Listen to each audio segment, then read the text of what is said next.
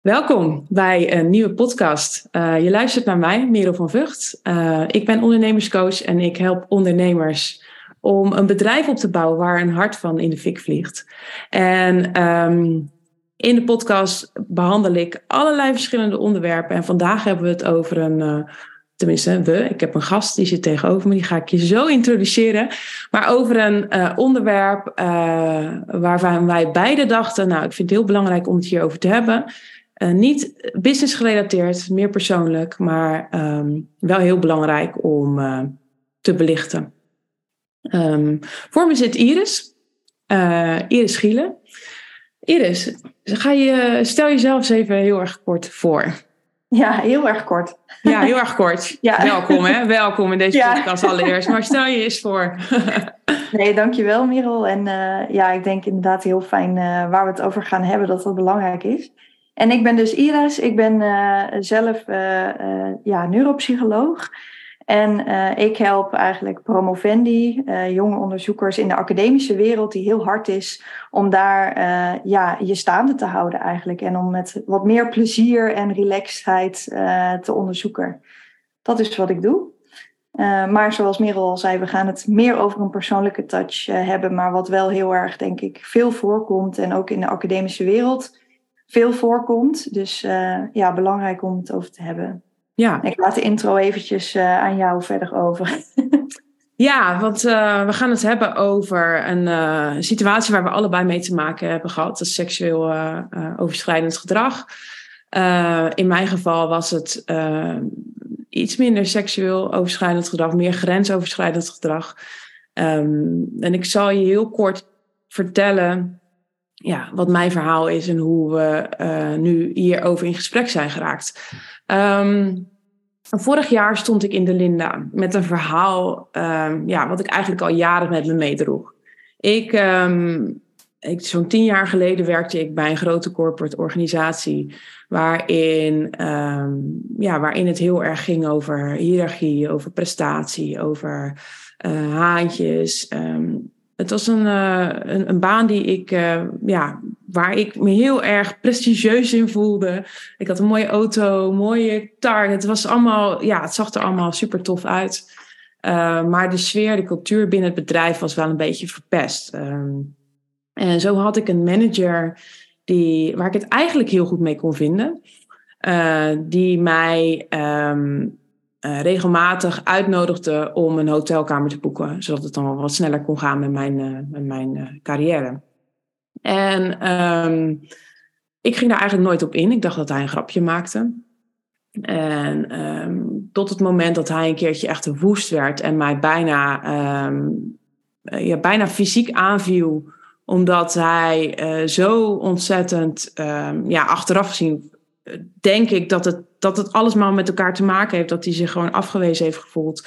Uh, maar lang verhaal kort, ik zat in een situatie waar ik een manager had die mij continu um, ja, probeerde eigenlijk te verleiden met, uh, met, ja, met het doen van handelingen waar ik helemaal niet op zat te wachten. Ik was zo naïef om te denken dat het een grapje was en dat leidde tot een ja, grote ruzie op mijn werk, waardoor ik daar niet meer kon werken puntje bij paaltje um, besloot ik daar wel te blijven. Uh, ik raakte zwanger, was niet, lag niet helemaal uh, uh, in de lijn de verwachting, maar ik, ik raakte zwanger. En toen had ik het gevoel van ja, nu kan ik helemaal niks meer. Ik voel me niet lekker op mijn werk. Ik kan, kan niet weg, ik ben zwanger. Um, ja, en dat, dat, dat leidde uiteindelijk tot een onwerkbare situatie, waardoor ik ook gewoon weg moest bij, de, bij het bedrijf. Ik voelde daar heel veel schaamte op, heel lang omdat ik dacht van ja, dat heb ik op mezelf afgeroepen, omdat ik niet duidelijk nee eh, tegen hem zei, niet heel hard. Ik moest straks een beetje om lachen. Um, ik droog dit verhaal heel lang met me mee. Um, tot vorig jaar ik met een vriendin in, uh, in, in Parijs liep. Of, het is inmiddels alweer twee jaar geleden. En we uh, urenlang aan het wandelen waren door de stad. En um, dit verhaal ineens omhoog kwam. En zij toen zei van, hè, maar dat wist ik eigenlijk helemaal niet. Dus gek genoeg heb ik het heel lang onder de pet gehouden. En zij zei me, jij kon daar niks aan doen. Dit is iets uh, wat niet bij jou lag.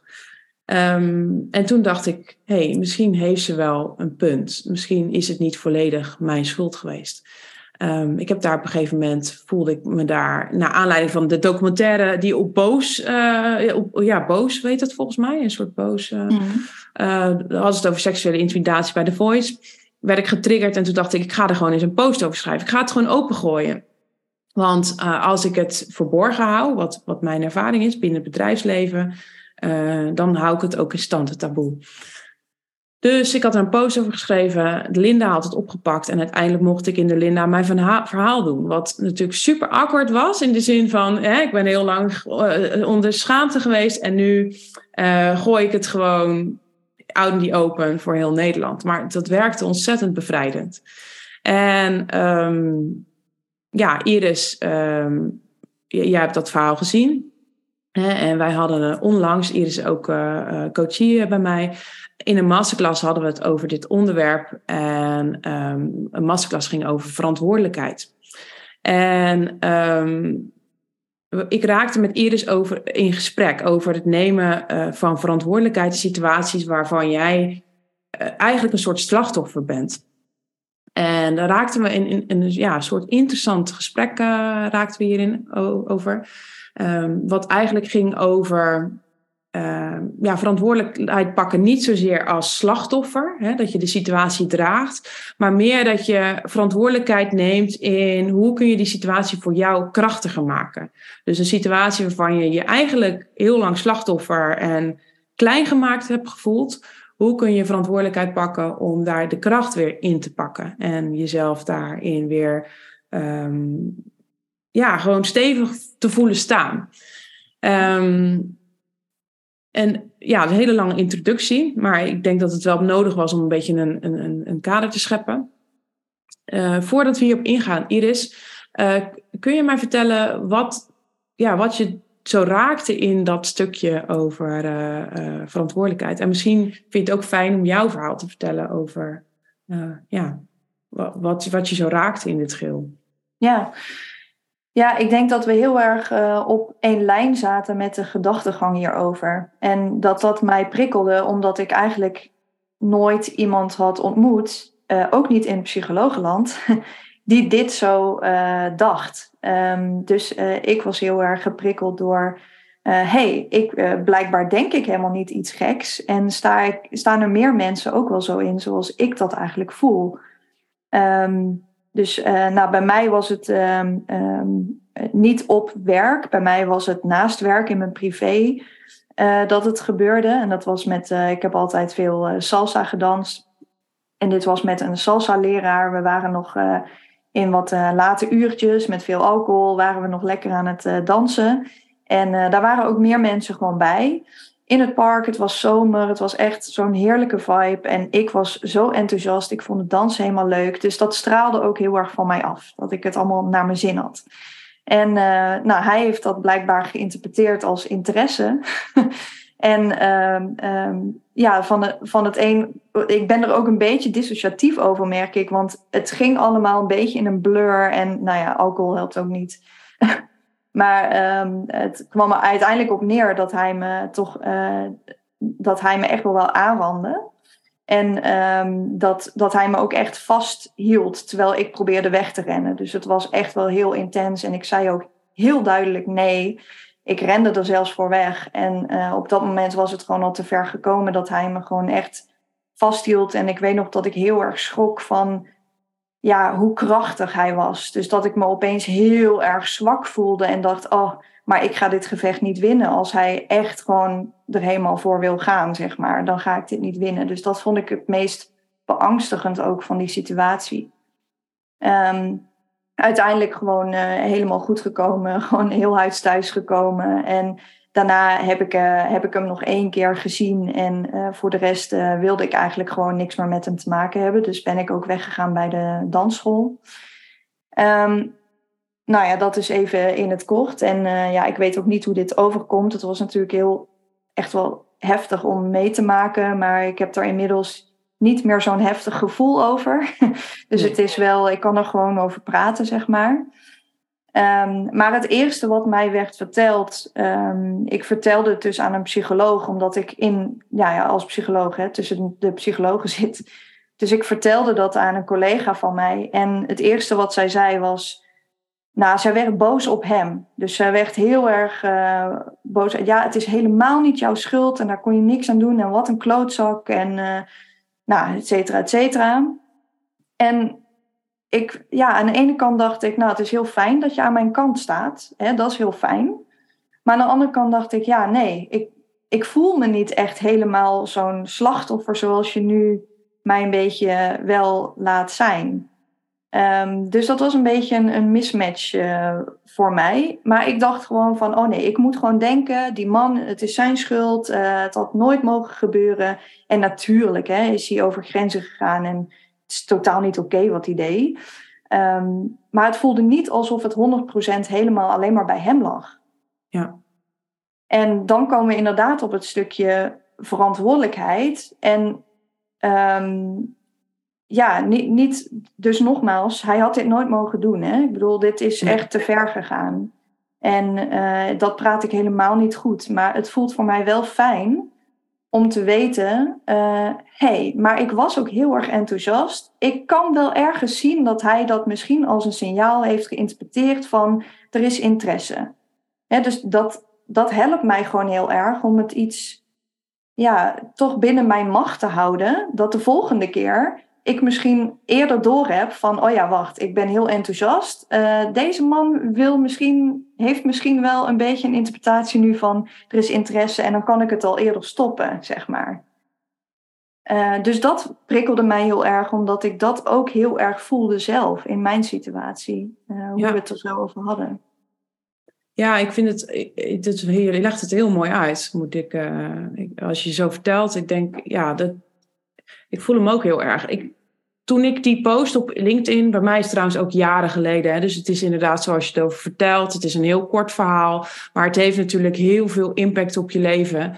Ja. Um, toen ik mijn LinkedIn-post online zette, dat vond ik echt super eng. Ik, ik heb daar echt zoveel reacties op gekregen. Vooral van mensen die zeiden: Je moet een naam noemen. Je moet een naam noemen van die man. Je moet een naam noemen van het bedrijf. Want die moet aan de hoogste paal opgehangen worden, die man. En oh, net zoals jij zegt, weet je, uh, iemand doet wel iets waar die over jouw grens heen gaat. Maar in mijn geval um, is hij over mijn grenzen heen gegaan. Maar ik kan, uh, ik kan hem zien als een monster. Uh, maar ik kan me ook ergens inleven dat je als man, als je iemand leuk vindt, het probeert bij iemand. Um, en mijn grenzen zijn anders misschien dan zijn grenzen. Dus als ik eh, dus niet heel duidelijk mijn grenzen heb afgekaderd, hoe kan ik dan verwachten dat hij zich daaraan houdt?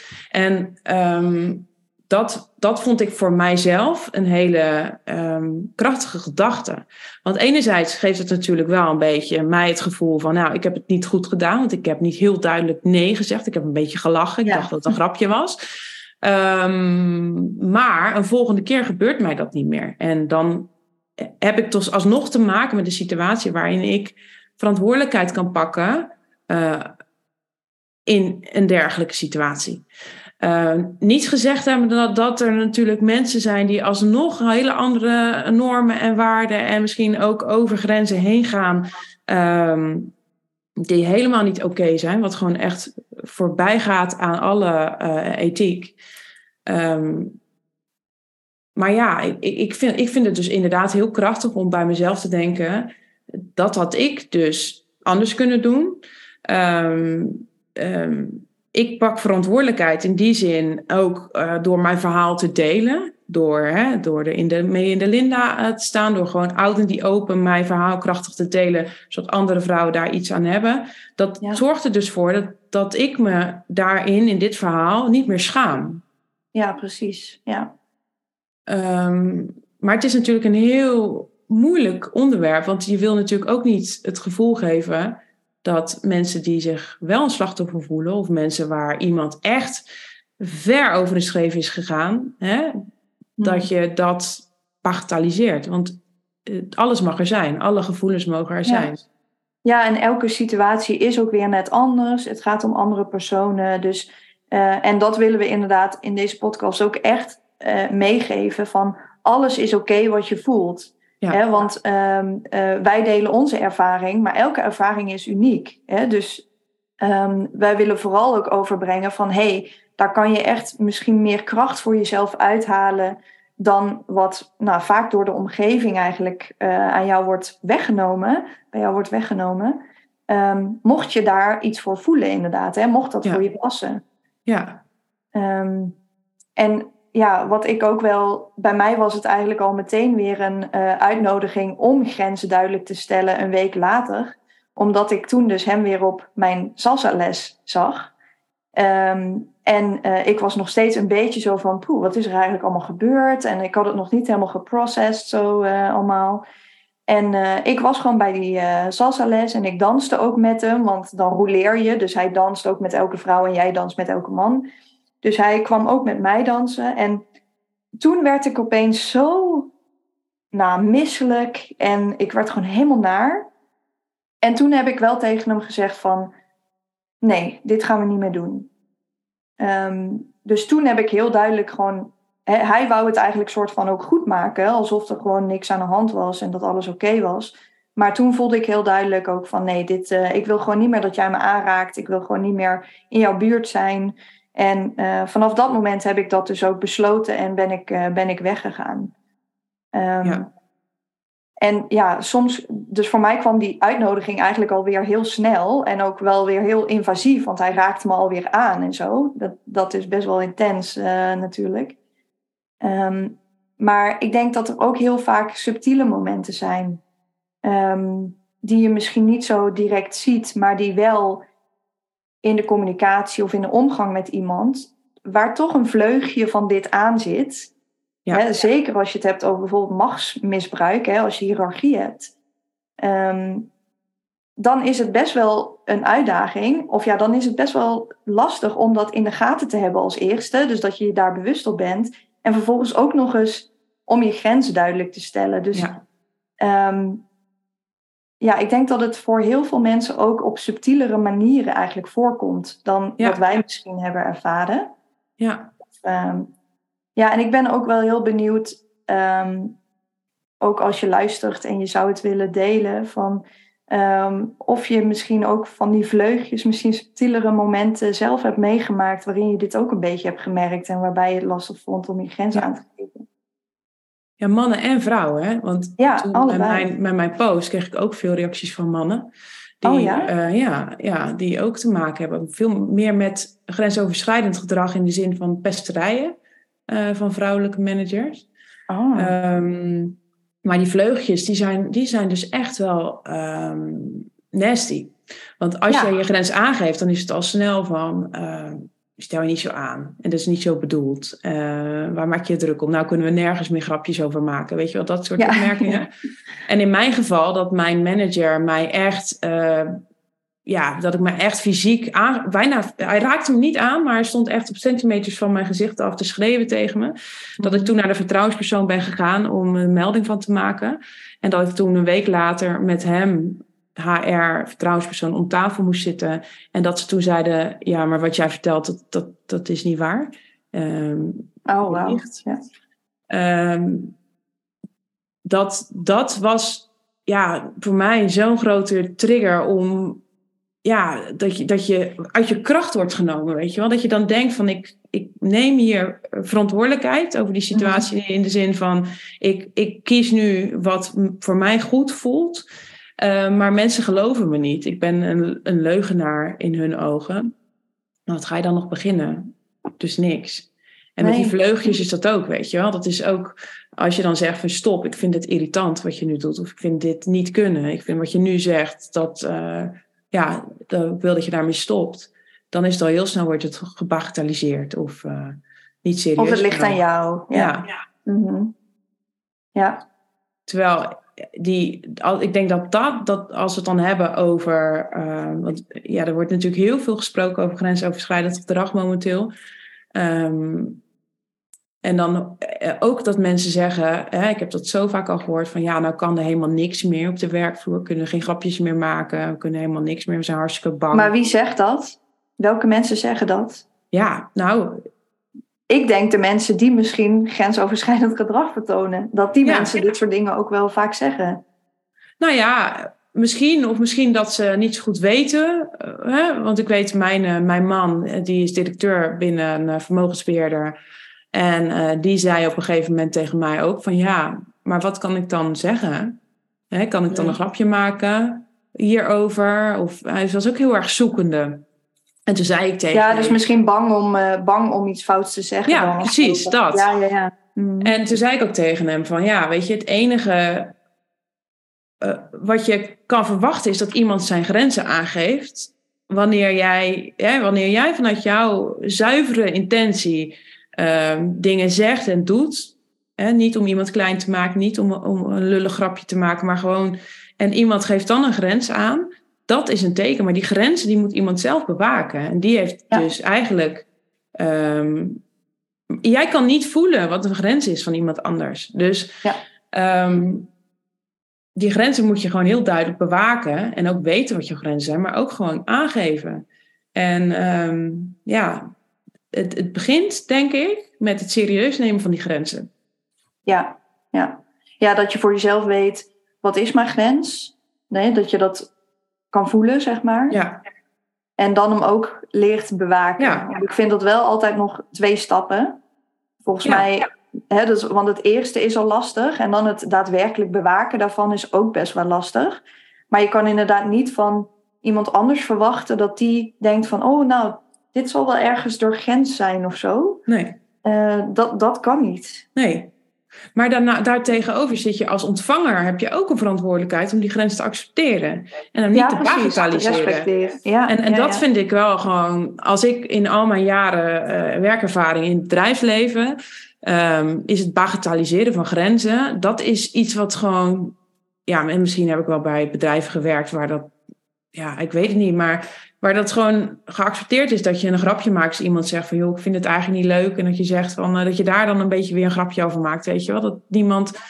Um, dat, dat die grenzen worden gekleineerd. Dat, dat is wel mijn ervaring. Ja. En dat. Ja, de mijne ook zeker. Ja. ja. Ja, want ik denk dat het bijvoorbeeld. Uh, ja, ik kan natuurlijk vanuit meer de academische wereld dan uh, spreken. Um, ja. Het, was heel vaak, het gaat heel vaak over, ja, ze noemen dat dan microaggressions. Dus dat je eigenlijk op hele, inderdaad, sneaky, subtiele manieren iemand toch een beetje klein zit te maken. Uh, of een beetje pestachtig gedrag, ja, of manipuleren, dat soort dingen.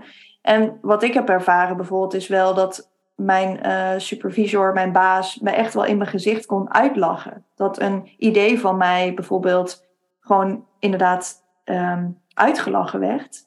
En denk ja, dat is dus ook al eigenlijk een uh, vorm van nou ja, intimidatie, je gaat de grens over, je noemt me eigenlijk gewoon stom en dom. en uh, dat heb ik toen ook wel gezegd, van oh wow, dit vind ik wel heel, uh, hè, ik snap deze reactie niet zo goed van jou. Uh, het goed dat je, dus, dat, dat je dat dan benoemt. Ja, dat was, daar had ik ook een paar keer voor nodig hoor. Maar, ja. um, maar het gaat ook, denk ik, om dat soort dingen, inderdaad. En ja die, diegene had niet eens door op dat moment dat uh, die me zo liet voelen. Nee. Ja, dus die kon eigenlijk niet weten dat hij een grens overging. En daarna heeft ze het ook nooit meer gedaan. Uh, dus ik heb diegene even bewust gemaakt van... oh wow, je doet nu iets wat bij mij gewoon uh, echt wel een hele impact heeft... wat jij nu eigenlijk niet weet. En daardoor was het eigenlijk meteen oké. Okay. En het was even ongemakkelijk natuurlijk, maar het was op zich oké. Okay. Um, ja, en ik denk dus dat het met dat het zeker in de academische wereld, maar ik denk als ik jou zo over die corporate uh, wereld ook hoor, dat dat ook heel veel voorkomt. Um, dat het gewoon in heel veel van dit soort dingen zit. En dat je daar dus ook echt wel op mag zeggen van. Het is niet dat jij dan niet tegen een grapje kan. Het is niet dat jij dan niet. Um, uh, dat jij inderdaad iets stoms zegt. Nee, het is gewoon een grens die wordt overgegaan. Exact. En dat mag je prima aangeven. Uh, ja. Want als je dat niet aangeeft, kan die ander ook nooit weten dat het een grens is. Ja. Ja. ja hoe, hoe zou je er dan mee om kunnen gaan als iemand die grens dan alsnog niet respecteert? Ja, ja dat is echt uh, dat is lastig. Ja, want je gaat natuurlijk al, uh, het is al heel spannend om die grens aan te geven. Ja. Als iemand het dan lachen erover doet of het niet serieus neemt. Ja. Ja, ik denk wel, uh, aan de ene kant denk ik heel erg, jij hebt gedaan wat binnen jouw mogelijkheden ligt. Hè? Ja. Dus um, jij hebt gedaan wat goed voor jouzelf is. Uh, wat die ander doet, ja, daar, daar kan je niet, daar heb je geen controle op inderdaad. Dus je, je ja, um, dat ten eerste denk ik. Van dat is belangrijk om je te beseffen. En ja, ik weet wel dat er inderdaad vertrouwenspersonen zijn of meer ethische uh, mensen. Maar ja, jouw ervaring daarmee is eigenlijk ook niet positief.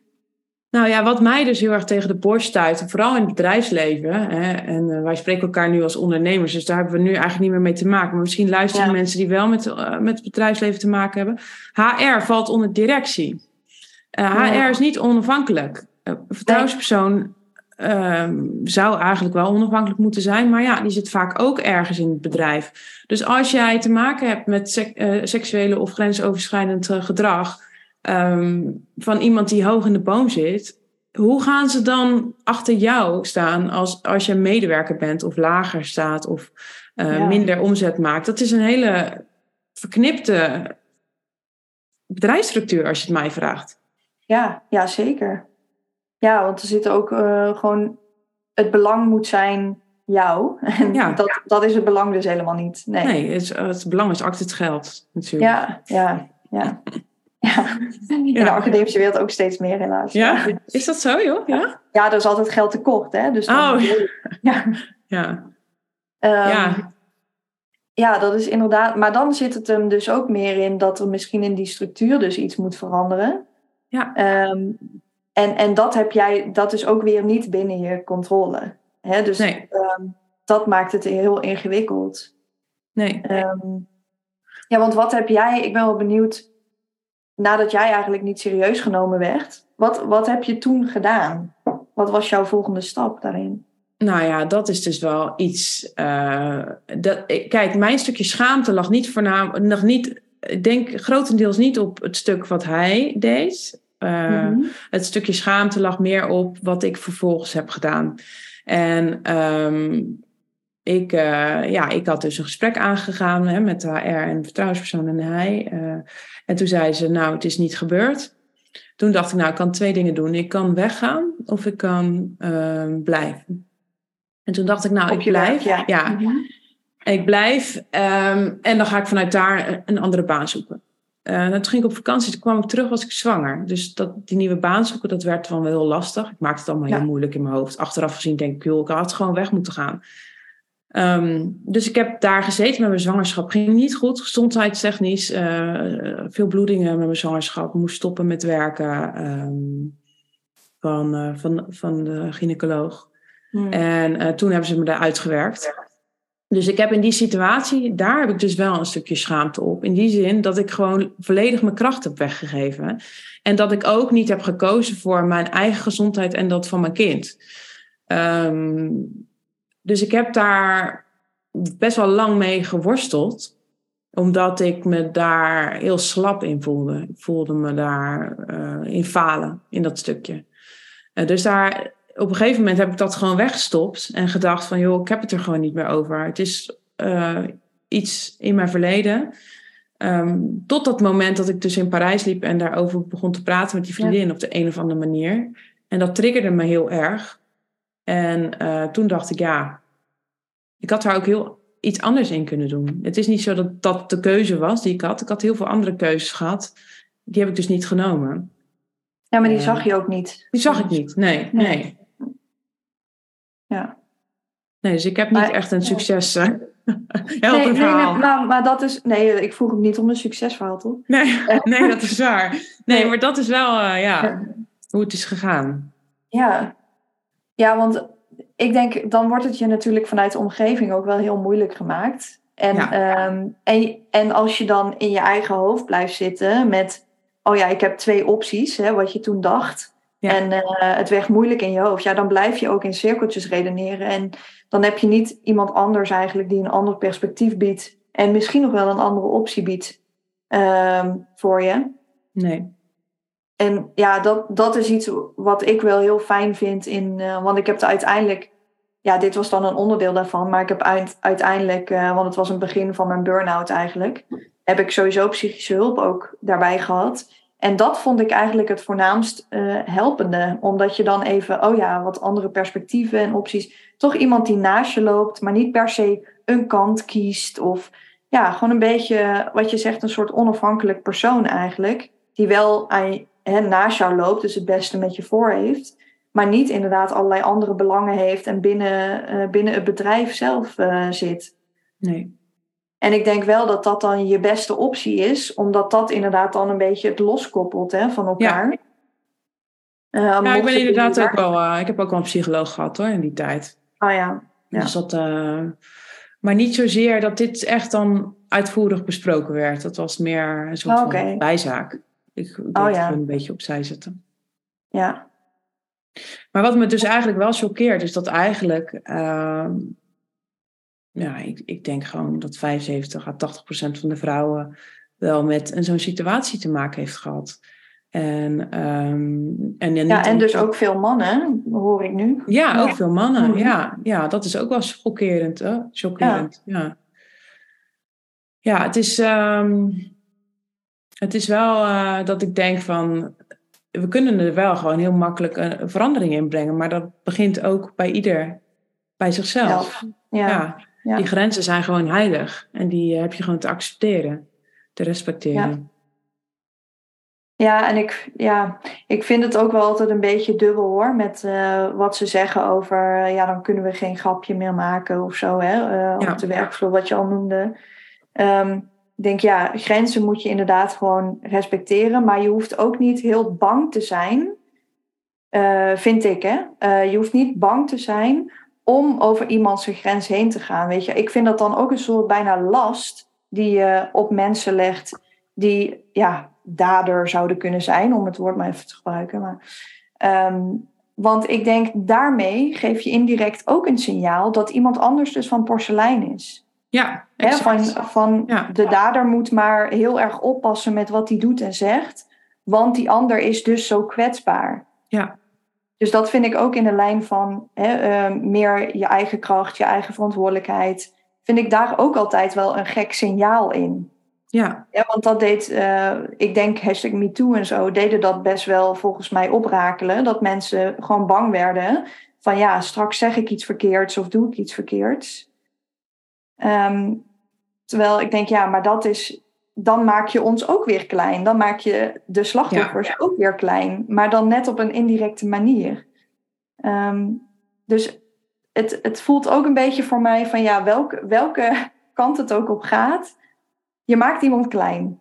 Ja. En kwetsbaar. Terwijl, um, ja, ja ten, tenzij je dat echt niet kan, maar iedereen kan wel voor zichzelf gaan staan en voor, kan grenzen aangeven. Dat is denk ik inderdaad een soort verantwoordelijkheid die je over jezelf hebt om goed voor jezelf te zorgen.